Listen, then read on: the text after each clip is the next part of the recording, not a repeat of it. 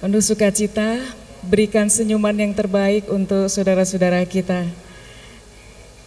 Kita menikmati kebaikan Tuhan setiap hari dan hari ini juga kita bersyukur karena Tuhan izinkan untuk bisa beribadah kembali.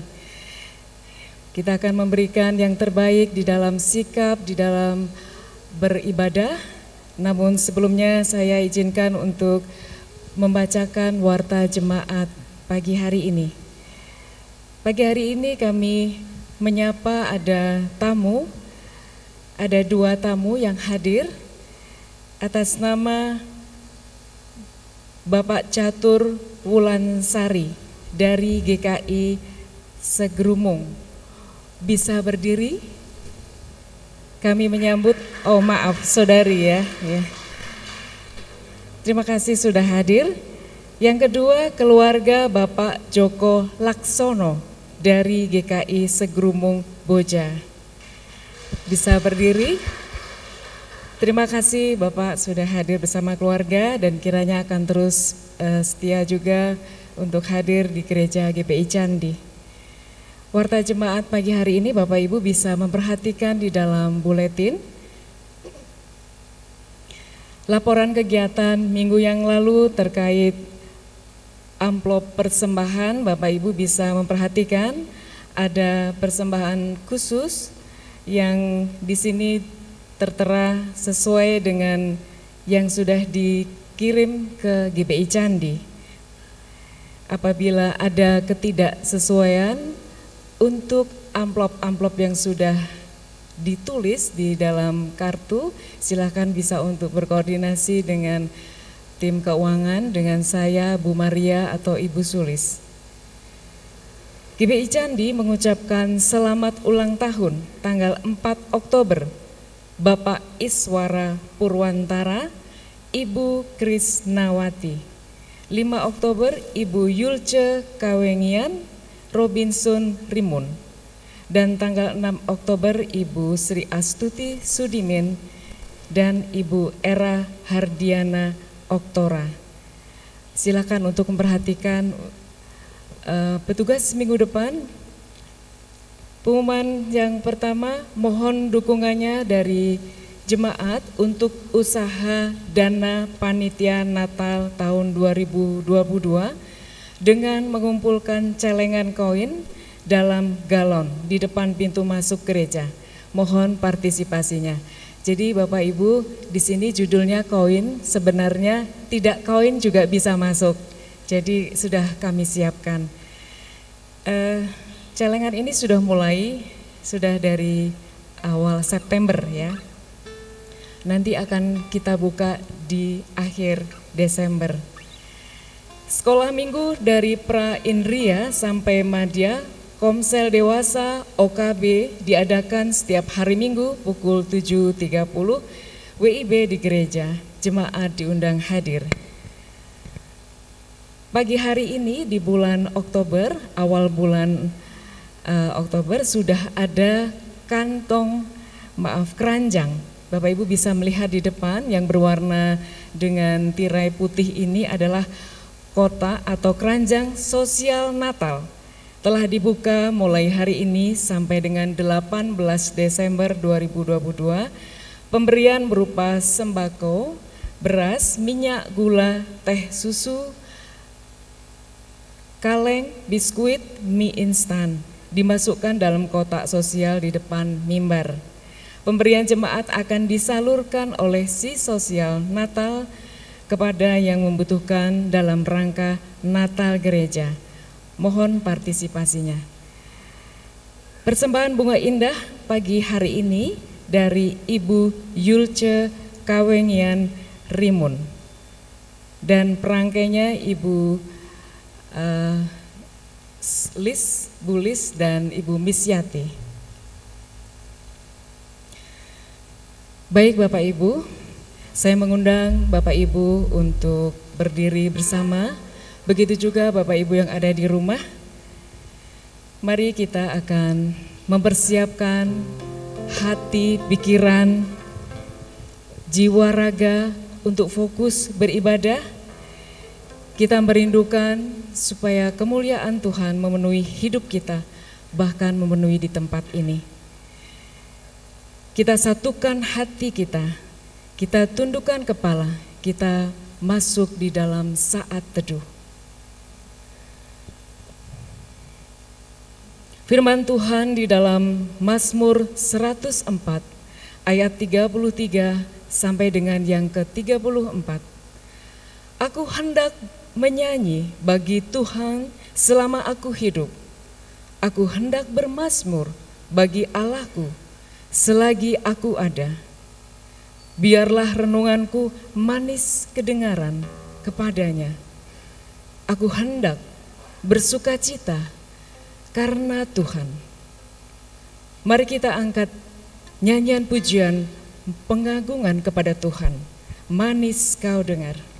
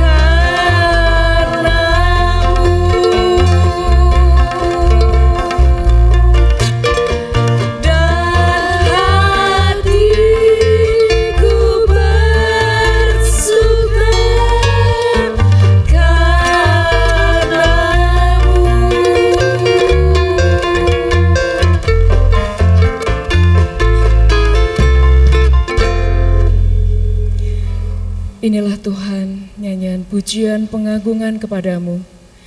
Ini ucapan syukur kami kepada Tuhan, Bapa yang sangat baik, Bapa yang teramat baik bagi hidup kami. Kami bersyukur untuk setiap apa yang sudah Tuhan perbuat di dalam kehidupan kami hingga detik ini. Bapa di surga, kami bersyukur pagi hari ini kami masih merasakan kebaikan Tuhan dalam hidup kami anugerah kasih dan penyertaan-Mu yang terus Engkau limpahkan setiap hari kepada kami. Dan di hari sabat ini ya Tuhan, kami boleh beribadah kembali. Kami ingin memuji, menyembah Engkau Tuhan. Layakkanlah kami. Sebab hati kami haus Tuhan, kami rindu menantikan hadiratmu. Kiranya engkau mengampuni dosa, pelanggaran, dan tindakan kami yang tidak berkenan di hadiratmu. Sertai kami Tuhan di dalam ibadah pagi hari ini dari awal hingga akhir. Tuhan memberkati setiap kami yang terlibat di dalam tata ibadah di pagi hari ini dan juga jemaat yang hadir dan juga jemaat yang ada di rumah yang beribadah secara live streaming. Tuhan juga memberkati pewarta jemaat yang pagi hari ini akan diwartakan oleh Bapak Pendeta Eko Kurniadi MTH. Tuhan berkati beliau agar beliau bisa mewartakan firman yang akan menjadi kekuatan dalam keimanan kami. Terima kasih Tuhan Yesus. Kami mengucap syukur untuk penyertaan Tuhan. Haleluya puji Tuhan. Amin. Kita masih tetap berdiri. Nyanyian pujian nomor 178. Kita mempersiapkan untuk menyembah Tuhan. Tiap minggu indahlah.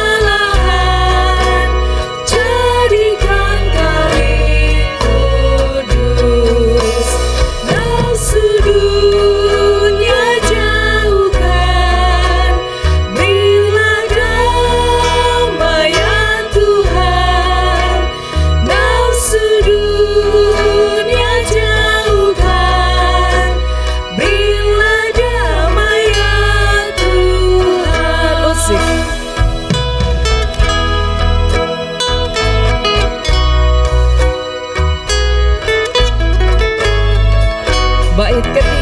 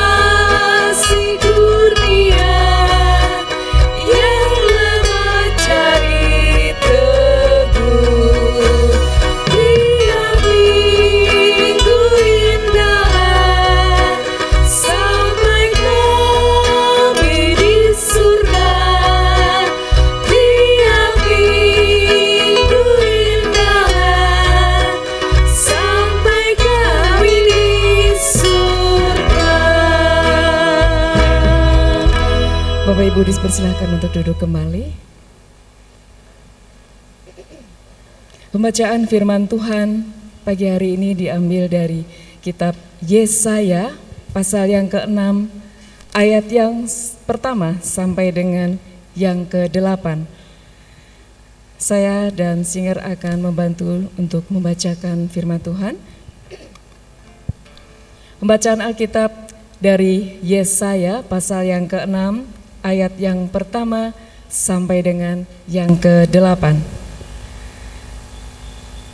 Dalam tahun matinya Raja Usia, aku melihat Tuhan duduk di atas tahta yang tinggi dan menjulang, dan ujung jubahnya memenuhi bait suci. Para serafim berdiri di sebelah atasnya, masing-masing mempunyai enam sayap. Dua sayap dipakai untuk menutupi muka mereka, dua sayap dipakai untuk menutupi kaki mereka, dan dua sayap dipakai untuk melayang-layang. Dan mereka berseru seorang kepada seorang katanya, Kudus, kudus, kuduslah Tuhan semesta alam, seluruh bumi penuh kemuliaannya. Maka bergoyanglah alas ambang pintu disebabkan suara orang yang berseru itu, dan rumah itu pun penuhlah dengan asap. Tetapi seorang dari pada serafim itu terbang mendapatkan aku. Di tangannya ada bara yang diambilnya dengan sepit dari atas mesbah. Ia, Ia menyentuhkannya kepada mulutku serta berkata, Lihat, ini telah menyentuh bibirmu, maka kesalahanmu telah dihapus dan dosamu telah diampuni. Lalu aku mendengar suara Tuhan berkata, Siapakah yang akan kuutus? Dan siapakah yang mau pergi untuk aku? Maka sautku, ini aku, utuslah aku. Puji Tuhan, demikian firman Tuhan. Kita akan mempersiapkan memberikan yang terbaik kepada Tuhan melalui persembahan, persepuluhan, dan persembahan khusus pagi hari ini untuk gedung. Kita awali dengan satu pujian dari nomor pujian dua, Tuhan yang Maha Besar. you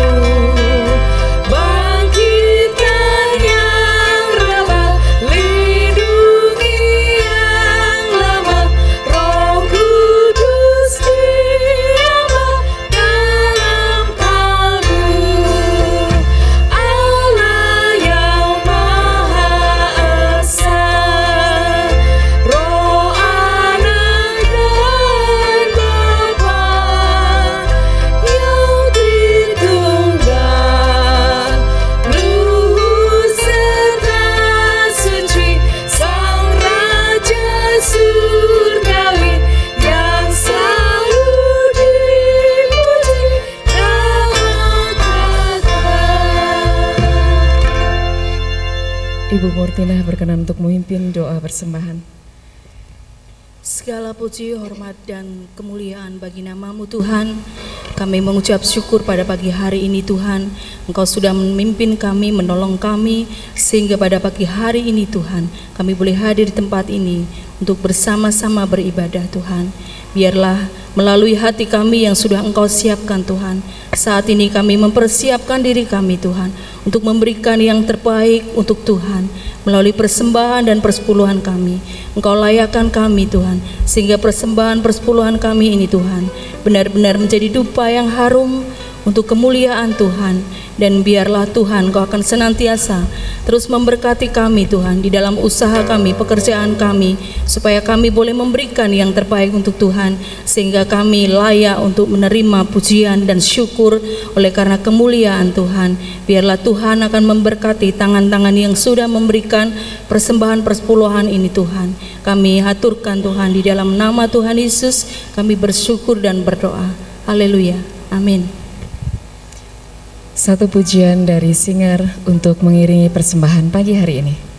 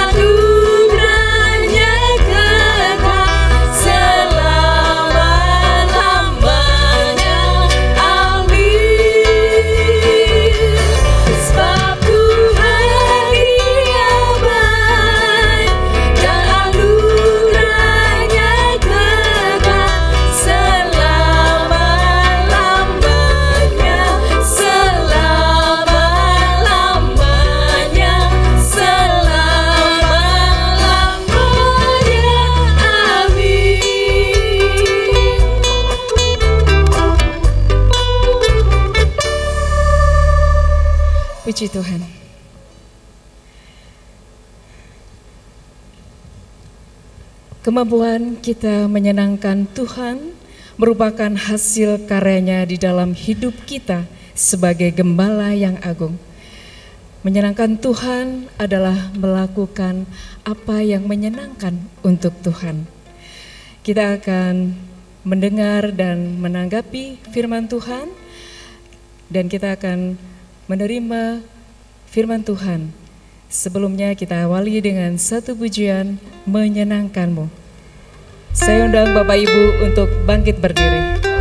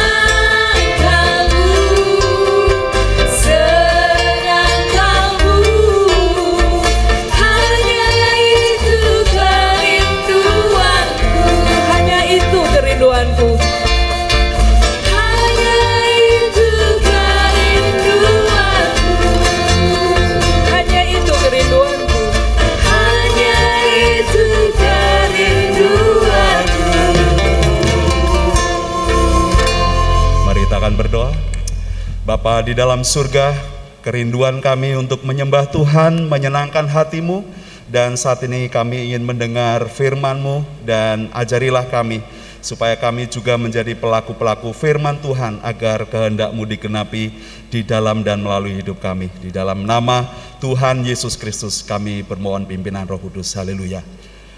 Amin. Silakan duduk kembali saudara-saudara.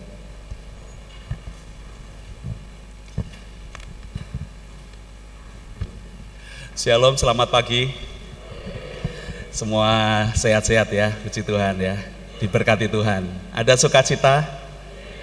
Saudara-saudara, kita bulan ini akan merenungkan tentang penyembahan, tentang pujian, tentang ucapan syukur, tentang kebaktian, persekutuan-persekutuan kita, pelayanan-pelayanan kita khusus kepada Tuhan dalam pertemuan jemaat di dalam eh, kelompok-kelompok uh, kecil di dalam persekutuan kita bahkan di luaran uh, meskipun kita tidak ada di gereja tetapi hidup kita adalah penyembahan kepada Tuhan dan tema bulan ini adalah satu hati dan satu suara untuk memuji Tuhan. Nah, Saudara mari kita buka dalam Yesaya pasal yang ke-6. Saya ingin menyampaikan dari perspektif yang lain uh, dari Yesaya 6 ayat 1 sampai dengan ayat yang ke-8 tentang Uh, khotbah yang pagi ini saya beri tema penyembahan adalah kita berseru kudus, kudus, kuduslah Tuhan. Uh, waktu jemaat, waktu kita atau waktu Yesaya menyanyikan kudus, kudus, kuduslah Tuhan, waktu malaikat-malaikat uh, berseru-seru tentang kudus, kudus, kuduslah Tuhan dan respon dari Yesaya juga ikut menyembah Tuhan. Ini bukan berarti bahwa uh, kudus itu disematkan uh, kepada sifat Tuhan, tidak, tetapi dia memang adalah Allah yang kudus. Dia punya atribut, punya karakter, punya sifat yang kudus, yang terpisah dari dosa. Nah, saudara-saudara, uh, kalau kita memikirkan tentang kebaktian, tentang ibadah, apakah kita pernah misalnya kalau saya merefleksikan tentang ibadah itu ada ibadah kebaktian seperti pasar Ya kalau saya pernah di sebuah gereja kebaktian itu seperti pasar. Jadi kalau sini udah ngomong di bawah juga ikut wong wong wong wong wong wong wong begitu. Apalagi pas waktu kebaktian, uh, waktu khotbah, wah tambah kenceng tambah kenceng. Jadi ada kayak pasar ya. Ya uh, pernah ada di dalam kelompok kebaktian yang kayak pasar. Jadi setiap orang ngomong dewi ya toh. Komentari ya apa aja ada. Ya sing kelambine uh, ijo atau dasine miring atau macam-macam. Ada aja yang diomongin ya. Uh, lalu ada juga kebaktian yang seperti kuburan. Seperti kuburan. Jadi uh, ya di kuburan ya uh, sedih, tidak ada antusias, tidak ada semangat, ya seperti ada di kuburan, ya jarang di kuburan bercanda kan, jarang sekali. Tapi ya, ada dalam suasana itu dan biasanya eh, gereja-gereja dikritik tentang cara ibadahnya yang seperti kuburan. Uh, saya juga pernah ikut di kebaktian yang seperti uh, pertunjukan, ya entertain. Ada yang semacam itu ya, yang teriak-teriak, yang sorak-sorak, tidak terkendali, sini ngomong di bawah juga ikut ngomong dan seperti itu saudara-saudara. Nah, e, tidak ada yang secara prinsip kita juga dalam kebaktian itu harus ada pujian, ada lagu. Memang kebiasaan kita ada ritmis karena ini adalah e, suasana di mana itu yang menjadi pondasi di dalam puji-pujian Apakah pujian selalu dengan alat musik dan lain sebagainya? Bagaimana gereja-gereja yang tidak punya alat musik? Bagaimana orang-orang yang tidak bisa memainkan keyboard, tidak punya drum, tidak bisa memainkan itu karena juga ada beberapa gereja yang alergi dengan alat-alat musik, dengan jenis-jenis uh, irama musik juga ada banyak yang alergi atau kita juga diberi hikmat untuk memilih mana-mana yang sesuai dengan kehendak Tuhan. Tempo yang tertentu, lalu lagu-lagu yang baik dan luar biasa saudara-saudara, banyak hal yang harus dipikirkan saat kita mau membawa segudang puji-pujian dan ucapan syukur kepada Tuhan. Ibadah-ibadah kita, persekutuan kita, pujian-pujian kita, penyembahan kita harusnya menjadi penyembahan yang bisa mengagungkan akan kemuliaan dan kekudusan Tuhan. Saudara, mari kita akan belajar dari teks Yesaya ini tentang berbagai macam hal yang saya tadi di dalam pendahuluan saya sampaikan. Saudara, dalam konteks uh, Yesaya 6 ayat 1 sampai dengan uh, satu pasal ini sampai ayat yang ke-13 uh, dikatakan ayat yang pertama bahwa konteksnya pada waktu itu Raja Usia itu baru saja mati. Dan sesudah itu ada uh, pergumulan bagi bangsa Israel karena kalau saudara melihat pasal berikutnya mereka selalu ada berada di bawah ancaman. Pasal yang ketujuh ayat 1 karena penyertaan Tuhan itu akibat dari bagaimana Tuhan memberkati sehingga mereka tidak dapat dikalahkan. Tetapi seorang raja, pemimpin mati saudara-saudara dan itu dalam konteksnya Yesaya mendapatkan panggilan dari Tuhan sesudah usia mati. Dan e, menarik sekali karena raja usia ini salah satu raja yang tinggi hati, yang sombong. Itu alasan di dalam dua Tawarif pasal yang ke-26 ayat 16 menyebutkan tentang usia sebagai raja yang sombong, yang tinggi hati. Dan Yesaya 2 ayat yang ke-17 menyebutkan juga tentang orang-orang yang congkak hatinya. Saudara bisa memperhatikan dan membaca ulang di rumah dengan baik-baik.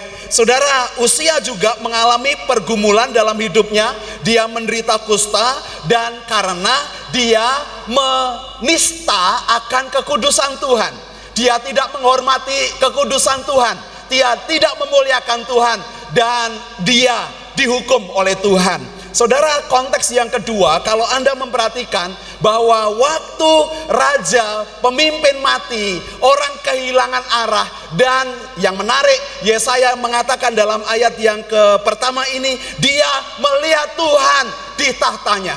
Saudara, Allah bertahta di atas bumi ini. Dia bertahta alam di atas alam semesta. Dia bertahta dan dia berkuasa. Apakah orang-orang yang Israel yang ditinggal oleh raja, pemimpinnya mati dan mereka mau seperti Yesaya, mereka menghampiri tahta Tuhan, melihat Tuhan, melihat di mana dia bertahta dan memberikan dirinya supaya dia memerintah atas kehidupan kita. Saudara, ini yang menarik waktu ibadah secara pribadi Yesaya di hadapan Tuhan dia menyaksikan dia melihat dia bertemu muka dengan muka dengan Tuhan dia berpengalaman dengan Tuhan di dalam ibadahnya kumpulan orang di dalam jemaat adalah satu hati, satu suara untuk memuliakan Tuhan, saudara-saudara. Diawali dengan panggilan setiap orang, setiap pribadi untuk menyembah Tuhan. Nah, mari kita akan memperhatikan uh, pengalaman Yesaya waktu dia menyembah Tuhan. Saudara dia disebutkan di dalam Yesaya ini ayat yang kedua ada serafim. Ini salah satu teks uh, Alkitab yang menyebutkan tentang serafim, uh, pasukan pemuji Tuhan. Uh, kehadirannya saudara-saudara misalnya serafim, kerubim itu biasa ada di sekitar tabut perjanjian karena itu tabut perjanjian itu adalah lambang kehadiran Tuhan. Serafim dan kerubim malaikat yang memuji-muji Tuhan. Dia adalah malaikat yang memuliakan Tuhan. Saudara, kalau dalam ayat ini disebutkan malaikat ini ada dua sayap yang menutupi muka, ada dua sayap yang bebas ya, menutupi kaki dan ada juga dua sayap yang dipakai bebas untuk melayang-layang, untuk terbang.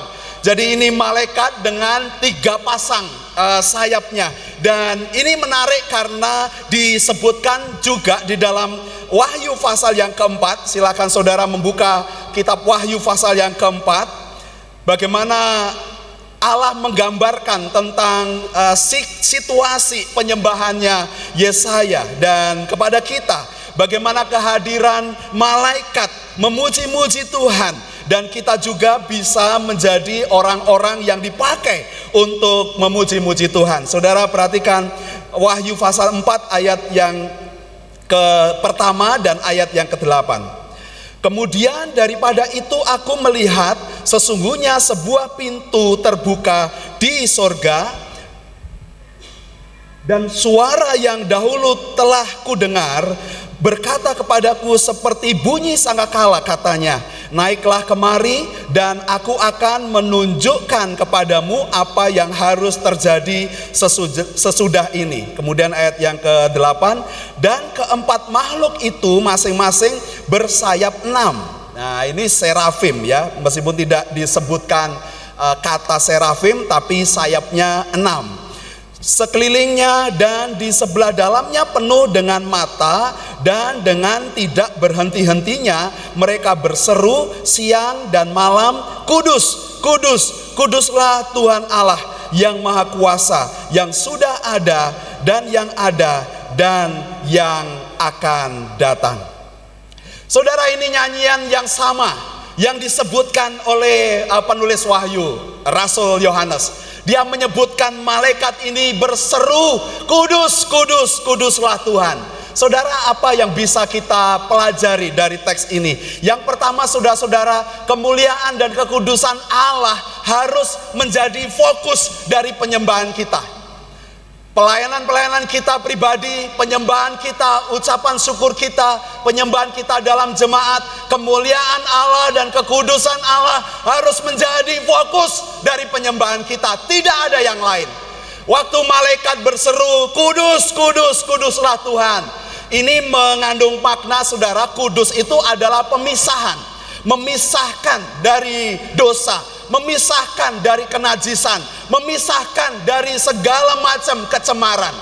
Kudus adalah memisahkan, kita dipisahkan dari yang berdosa panggilan di dalam uh, Alkitab menyebutkan itu juga dengan dimaknai dengan kata kudus, yaitu kita dipisahkan dari dunia ini. Waktu Anda percaya Tuhan, waktu kita percaya Tuhan, kita sebenarnya ditarik oleh Tuhan, dipisahkan dari dunia ini. Surat Petrus mengatakan bahwa kita dipilih, kita dipanggil, dipisahkan dari dunia ini. Kata yang sama digunakan. Kudus, kudus, kuduslah Tuhan. Artinya bahwa dia terpisah dengan kecemaran. Dia kudus, dia suci, terpisah dengan dosa dan kecemaran, ketidaksucian. Saudara, waktu kita menyembah Tuhan, waktu kita memuji-muji Tuhan, apakah kita memandang kemuliaan dan kekudusan Tuhan? Waktu kita berseru kepada Tuhan dalam setiap ibadah, ibadah kita baik pribadi maupun bersama dalam gereja, dalam persekutuan kita, apakah kita memandang kekudusan dan kemuliaan Tuhan? Apakah kita mengkoreksi semua hal-hal yang dosa, yang cemar dari hidup kita dan kita memisahkan diri dari semuanya itu? Kita masuk ke dalam hadirat Tuhan yang suci, yang kudus dalam jemaat, dalam gereja-gereja yang menyembah Tuhan, mendasarkan ibadahnya kepada kekudusan, kesucian, kemuliaan Tuhan, saudara-saudara, hadirat Tuhan ada di tengah-tengah mereka. Saya percaya bahwa penyembahan kita bukan penyembahan semata-mata karena kita berkata-kata, karena kita menyembah, kita datang duduk diam di dalam jemaat, di dalam gereja, tetapi harusnya kita memandang kekudusan Tuhan Betapa banyak kita yang sering uh, tercemarkan pikiran dan hati kita dalam saat menyembah. Yesus berkata, "Kalau kamu berdosa, bersalah kepada saudaramu, dan kamu mau datang ke bait Allah, selesaikan dulu." Sering kita menggantikannya karena aku masih musuhan, jadi saya tidak datang ke hadirat Tuhan. Saya tidak datang dalam pertemuan ibadah, itu manusia. Tetapi Alkitab mengajarkan Yesus berkata, ada tugas yang proaktif menyelesaikan dulu tangan-tanganmu yang berdosa, basuh dulu dan datang ke hadirat Tuhan. Saudara, itu yang disampaikan oleh Alkitab Yesaya ini ayat yang kelima sampai dengan ayat yang ketujuh bahwa Yesaya berkata, "Aku ini orang yang najis bibir, aku tinggal di tengah-tengah bangsa yang najis bibir." Dia mengakui kehidupannya. Dia waktu menyembah Tuhan, dia mengakui akan dosa dan kesalahannya karena dia percaya bahwa Allah adalah Allah yang menguasai seluruh alam semesta. Tidak ada satu dunia pun termasuk dalam hati kita yang tersembunyi dari pandangan Tuhan. Dia melihat kedalaman hati kita, saudara-saudara. Tidak ada dunia, tidak ada ruang di dalam hati kita yang tidak diselidiki oleh Tuhan tidak ada di dalam pikiran-pikiran kita yang tersembunyi dari Tuhan. Kita semua telanjang di hadirat Tuhan karena Dia Allah yang memerintah semesta alam, saudara-saudara. Bukan kita melihat tentang dunia ini, tetapi sampai kedalaman hati dan kehidupan kita.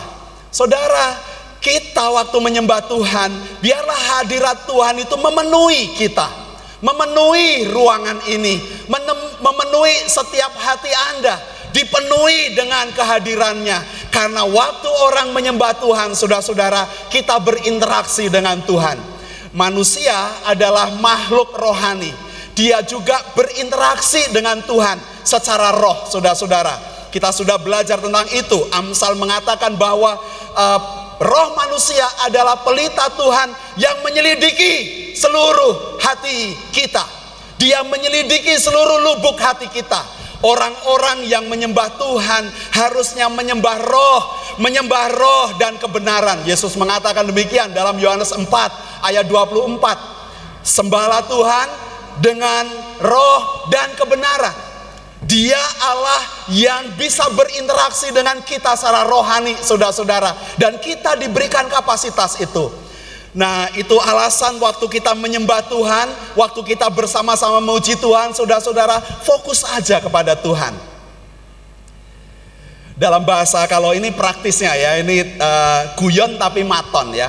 Misalnya saya main musik, salah kunci, bagi saya tidak ada persoalan. Yang penting aku nyembah Tuhan. Yang penting aku nyembah Tuhan. Saya mainin musik, saya menyembah Tuhan, saya mengikuti lagu, saya memujikan juga, saya melafalkan setiap sair-sair supaya saya bisa fokus untuk menyembah Tuhan. Sekalipun saya ada dalam pelayanan, dalam memainkan musik, tetapi saya juga bisa menyembah Tuhan. Saudara-saudara, bagi saya, waktu saya berkhotbah, hati saya juga menyembah Tuhan. Saya terus berdoa supaya Tuhan menguduskan pikiran saya, hati saya, menguduskan, memisahkan saya dari kecemaran dan semua problema hidup supaya kita dengan jernih firman akan menerangi hidup saya. Saudara saya melayani dengan kerinduan supaya saya terpaut hati saya dengan Tuhan. Anda waktu menyembah Tuhan, waktu berdoa, waktu memuji Tuhan, misalnya saudara tidak bisa lagunya karena lagunya baru ya. Tetapi kalau saya ngelihat memperhatikan dari CCTV, kita kan ada CCTV ya. Ada uh, mbah-mbah yang mungkin tidak ngerti lagunya, tetapi saya tahu ada kerinduan untuk menyanyikan. Ya kadang kan mbah-mbah kan telat ya. Udah ini uh, jangan udah lewat lelah ini baru lelah ketinggalan terus kan biasanya tetapi saya memperhatikan ada spirit, ada semangat, ada antusias untuk mengikuti itu. Saudara, apakah kita dalam penyembahan kita mengalami demikian? Seperti Yesaya waktu malaikat-malaikat dia lihat, kudus, kudus, kuduslah Tuhan. Dia juga membawa hidupnya untuk hal yang sama, sefrekuensi. Kudus, kudus, kuduslah Tuhan. Yang kedua, saudara-saudara, Apakah di dalam ibadah kita, di dalam ibadah kita, kita mendengar suara Tuhan? Ada panggilan yang Tuhan serukan kepada kita, dan apakah kita juga merespon akan Dia? Apakah kita merespon akan ucapan syukur yang kita nyanyikan? Misalnya, kalau saya menyanyikan uh, lagu bersyukur, misalnya Apakah saya flashback dengan apa saja yang Tuhan kerjakan dalam kehidupan saya dan saya membawa segudang ucapan syukur kepada Tuhan. Saudara-saudara, kalau kita menyanyikan beri syukur, beri syukur, berilah syukur, beri syukur, apakah saya juga dapat melihat bahwa hari-hari yang lalu yang sudah lewat, saya mengalami pertolongan-pertolongan Tuhan dan saya membawa itu untuk memaknai kata-kata ucapan syukur saya untuk memuji, muji Tuhan. Kalau misalnya saya uh, singer, pemain uh, apa pemain musik, uh, pemimpin lagu, pemimpin pujian, pengkhotbah, saudara-saudara, waktu saya misalnya bersyukur, meskipun mungkin saya tidak bisa bernyanyi, ya pemain ini kan uh, tidak semua bisa bernyanyi, tetapi waktu ada ucapan itu apakah kita menyembah Tuhan dan sambil kita mensyukuri akan pertolongan-pertolongan Tuhan, saudara-saudara. Waktu kita menyerukan tentang kudus, kudus, kuduslah Tuhan. Apakah kita memandang, berfokus untuk melihat kemuliaan, segala kemuliaan Tuhan. Betapa dia mengampuni dosa-dosa saya. Dia memisahkan saya dari dosa. Dia menarik saya, mengambil saya, memanggil saya. Dia memulihkan dan menyucikan saya. Saudara-saudara, bagaimana kita melakukan ibadah-ibadah kita, persekutuan pelayanan kita, pujian-pujian kita adalah pujian-pujian yang harusnya bermakna dalam kehidupan kita. Panggilan dan respon, saudara, ini menjadi aplikasi dalam uh, ibadah-ibadah kita. Ini satu poin yang saya rindu juga terjadi di dalam pelayanan kita. Kita bisa mengaplikasikan dalam teks ini. Saudara, mari kita lihat ayat yang kelima, saudara-saudara.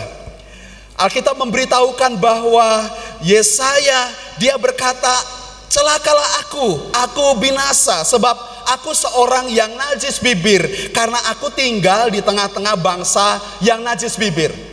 Saudara, apakah penyembahan kita, apakah ibadah kita pujian-pujian kita, syukur kita, ini kita juga, ini kan panggilan Tuhan untuk beribadah. Bawa segala korban syukur dan puji-pujian. Mari datang kepadaku yang letih lesu dan berbeban berat.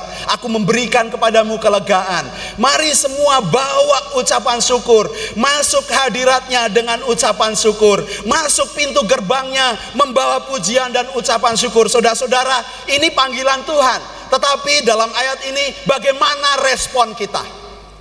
Aplikasi dalam ibadah kita saudara-saudara, penyembahan kita, pujian kita, setiap kita. Mungkin ini uh, bagian di mana kita perlu memperbaiki ya, memperbaiki cara penyembahan kita. Mungkin orang tua ngajarin anak-anak untuk beribadah kepada Tuhan, untuk menyembah Tuhan, untuk mengalami hadirat Tuhan dia bukan Allah yang yang semu saudara-saudara. Dia Allah yang real. Meskipun kita tidak bisa melihat, tetapi dia Allah yang nyata, Allah yang ada. Secara realitas dia ada saudara-saudara. Kita mengakui itu. Meskipun kita tidak melihat secara kasat mata Tetapi roh kita saudara-saudara Kita bisa berinteraksi dengan dia. Kalau ibadah adalah panggilan Bagaimana respon kita Bagaimana aplikasi dalam kehidupan kita, kita bisa mengerjakannya. Saudara, ayat yang kelima ini menunjukkan ada pengakuan kita bisa bercermin kepada Tuhan sebagai pribadi yang kudus. Kita waktu memuji Tuhan, kudus, kudus, kuduslah Tuhan. Kados itu artinya uh, bukan saja memisahkan tetapi juga memotong, saudara. Cut off, memotong jadi kita bukan dipisahkan dari dosa, tetapi waktu kita misalnya kita bisa artikan waktu kita hidup dalam dosa, kita harus potong lepas dari dosa. Saudara, itu respon dari penyembahan. Waktu kita mengakui dosa kita, saudara-saudara, 1 Yohanes 1 ayat yang ke-9, waktu kita mengaku dosa kita, maka dia Allah yang setia dan adil. Dia akan mengampuni dan menyucikan kita. Kita harus memotong saudara-saudara, memotong dosa kita. Wah, ini hal yang menarik dari kata kados, kudus. Dia bukan memisahkan saja, bukan separasi, separation, tetapi juga cut off, memotong, menyelesaikan saudara-saudara. Tidak lagi dibuntuti dengan dosa, tidak lagi hidup kita diikuti dengan dosa. Kita harus potong dan terpisah.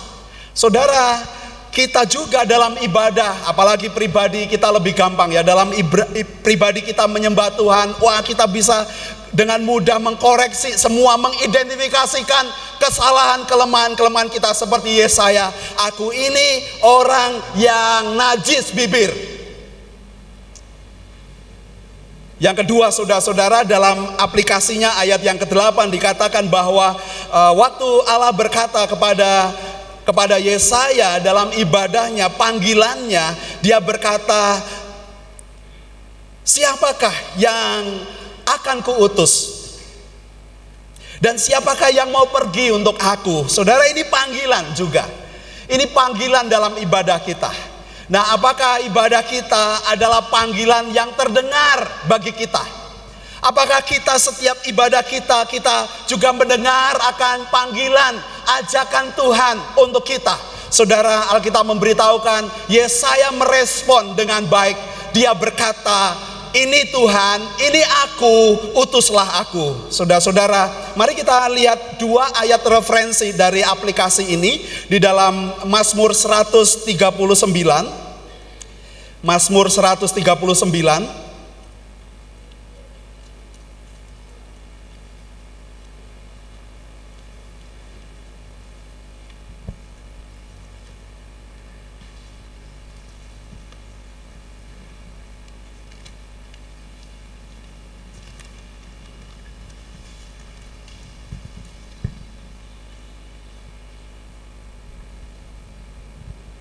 ayat yang ke-23. Ini menjadi lagu kita ya. Selidikilah aku ya Allah dan kenalah hatiku. Ujilah aku dan kenalah pikiran-pikiranku. Kemudian dalam kisah Rasul 13, kisah para Rasul 13 ayat yang ketiga, saudara-saudara.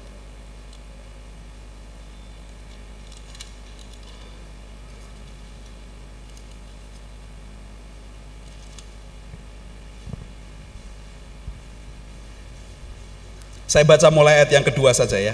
Pada suatu hari ketika mereka beribadah kepada Tuhan dan berpuasa, berkatalah Roh Kudus, khususkanlah Barnabas dan Saulus bagiku untuk tugas yang telah kutentukan bagi mereka.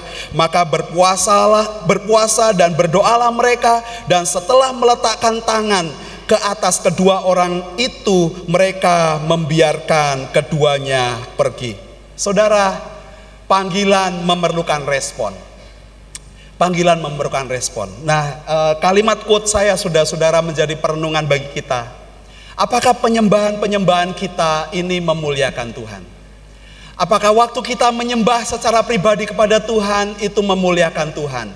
Apakah kita bercermin kepada kekudusan Tuhan? Waktu kita menyembah Tuhan, apakah kita bercermin kekudusan Tuhan? Karena waktu kita menyembah Tuhan, kebanyakan kita melihat berkat-berkat yang dibalik, yang yang akan Tuhan berikan. Kita melihat semua itu, tetapi kita waktu menyembah Tuhan, kita tidak membawa juga segala kelemahan, kesalahan, dosa-dosa kita kepada Tuhan sehingga Dia mengkoreksi hidup kita. Kita tidak bercermin kepada kekudusan dan kemuliaan Tuhan, maka ibadah-ibadah kita tidak membuat membawa kita perubahan demi perubahan. Kita tidak menjadi semakin serupa seperti Kristus. Saudara-saudara ibadah-ibadah kita, persekutuan-persekutuan kita, penyembahan kita pribadi harusnya semakin membawa kita semakin serupa seperti Kristus. Karena kita menyembah, kita menyembah Allah, kita dalam ibadah kita, kita bercermin kepada kekudusan Allah dan demikian yang Tuhan kehendaki. Dia mengubah kita, saudara-saudara. Kalau aku najis mulut, najis bibir, waktu aku menyembah Tuhan, dia mengkoreksiku, saudara-saudara.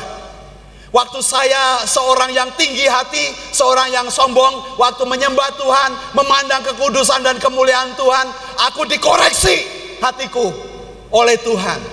Waktu aku ada dalam kelemahan, kesedihan, kesusahan, penderitaan, kekecewaan, waktu aku menyembah Tuhan, aku melihat Tuhan Allah yang mulia yang menguatkan kaki-kakiku, yang memberikan kerajinan bagi tanganku, yang memberikan hatiku kuat berpengharapan, tidak putus asa. Aku bercermin kepada kekudusan dan kemuliaan Tuhan. Saudara, apakah ibadah-ibadah kita membawa semakin kita serupa seperti Kristus? Apakah cara kebaktian dan sikap kita membawa orang melihat bahwa kita menyembah Tuhan yang benar? Apakah cara kita melayani, menyembah Tuhan, kita mencerminkan bahwa kita menyembah Allah yang agung, opo sae? Saudara-saudara, mari kita akan belajar dari bagaimana respon Yesaya menyembah Bagaimana dia mendengar panggilan Tuhan. Waktu kita menyembah saudara-saudara, eh, Paulus berkata, biarlah setiap orang yang belum kenal Tuhan melihat dan mereka mendapatkan kesaksian dari cara menyembah kita. Saudara, apakah setiap kita masing-masing belajar waktu dia memanggil kita untuk menyembah, kita berhadapan dengan kekudusan dan kemuliaan Tuhan, apakah itu membawa hidup kita semakin ada dalam keserupaan seperti Kristus? Amin. Mari kita berdoa.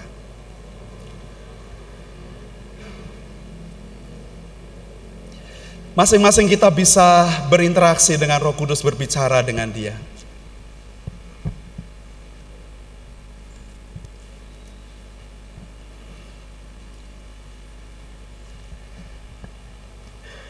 Tuhan aku mau menjadi penyembah-penyembahmu. Penyembah yang mendengar panggilan Tuhan dan meresponi akan kau. Mungkin ada di antara saudara ada mau merespon firman Tuhan, mau berdoa bersama kami, ada Pastor Nobuci, ada Pendeta Muda Bayu siap berdoa, saya juga mendoakan Anda. Silakan saudara, panggilan bagi Anda. Dia Allah yang real, Allah yang nyata, yang ada, yang mengasihi kita. Mari kita bercermin kepada Tuhan. Penyembahan kita membawa selalu keserupaan, keserupaan dengan Dia.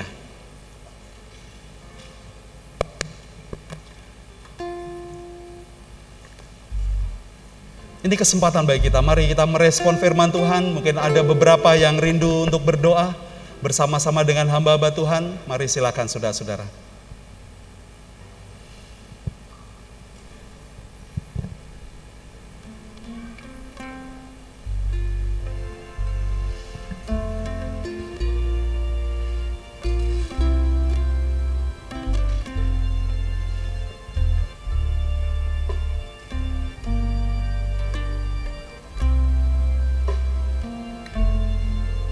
Baik, jika tidak ada, mari kita akan berdiri bersama-sama, kita berdoa syafaat dan menutup dengan doa berkat.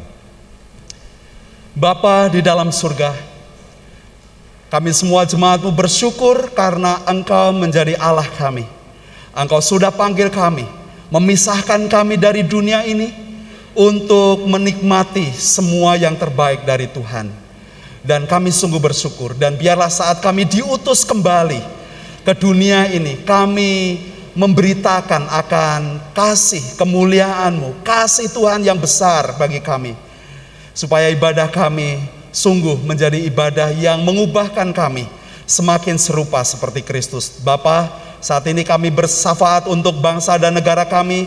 Tidak henti-henti kami berdoa terus untuk negara kami, presiden kami, sampai dengan pemimpin-pemimpin yang terdekat dengan kami di daerah kami. Berkatilah mereka para pemimpin-pemimpin kami diberi takut akan Tuhan, diberikan hati yang mengasihi rakyatnya, yang terus berikhtiar, berupaya, berusaha untuk memberikan peluang kesejahteraan bagi seluruh lapisan masyarakat Indonesia.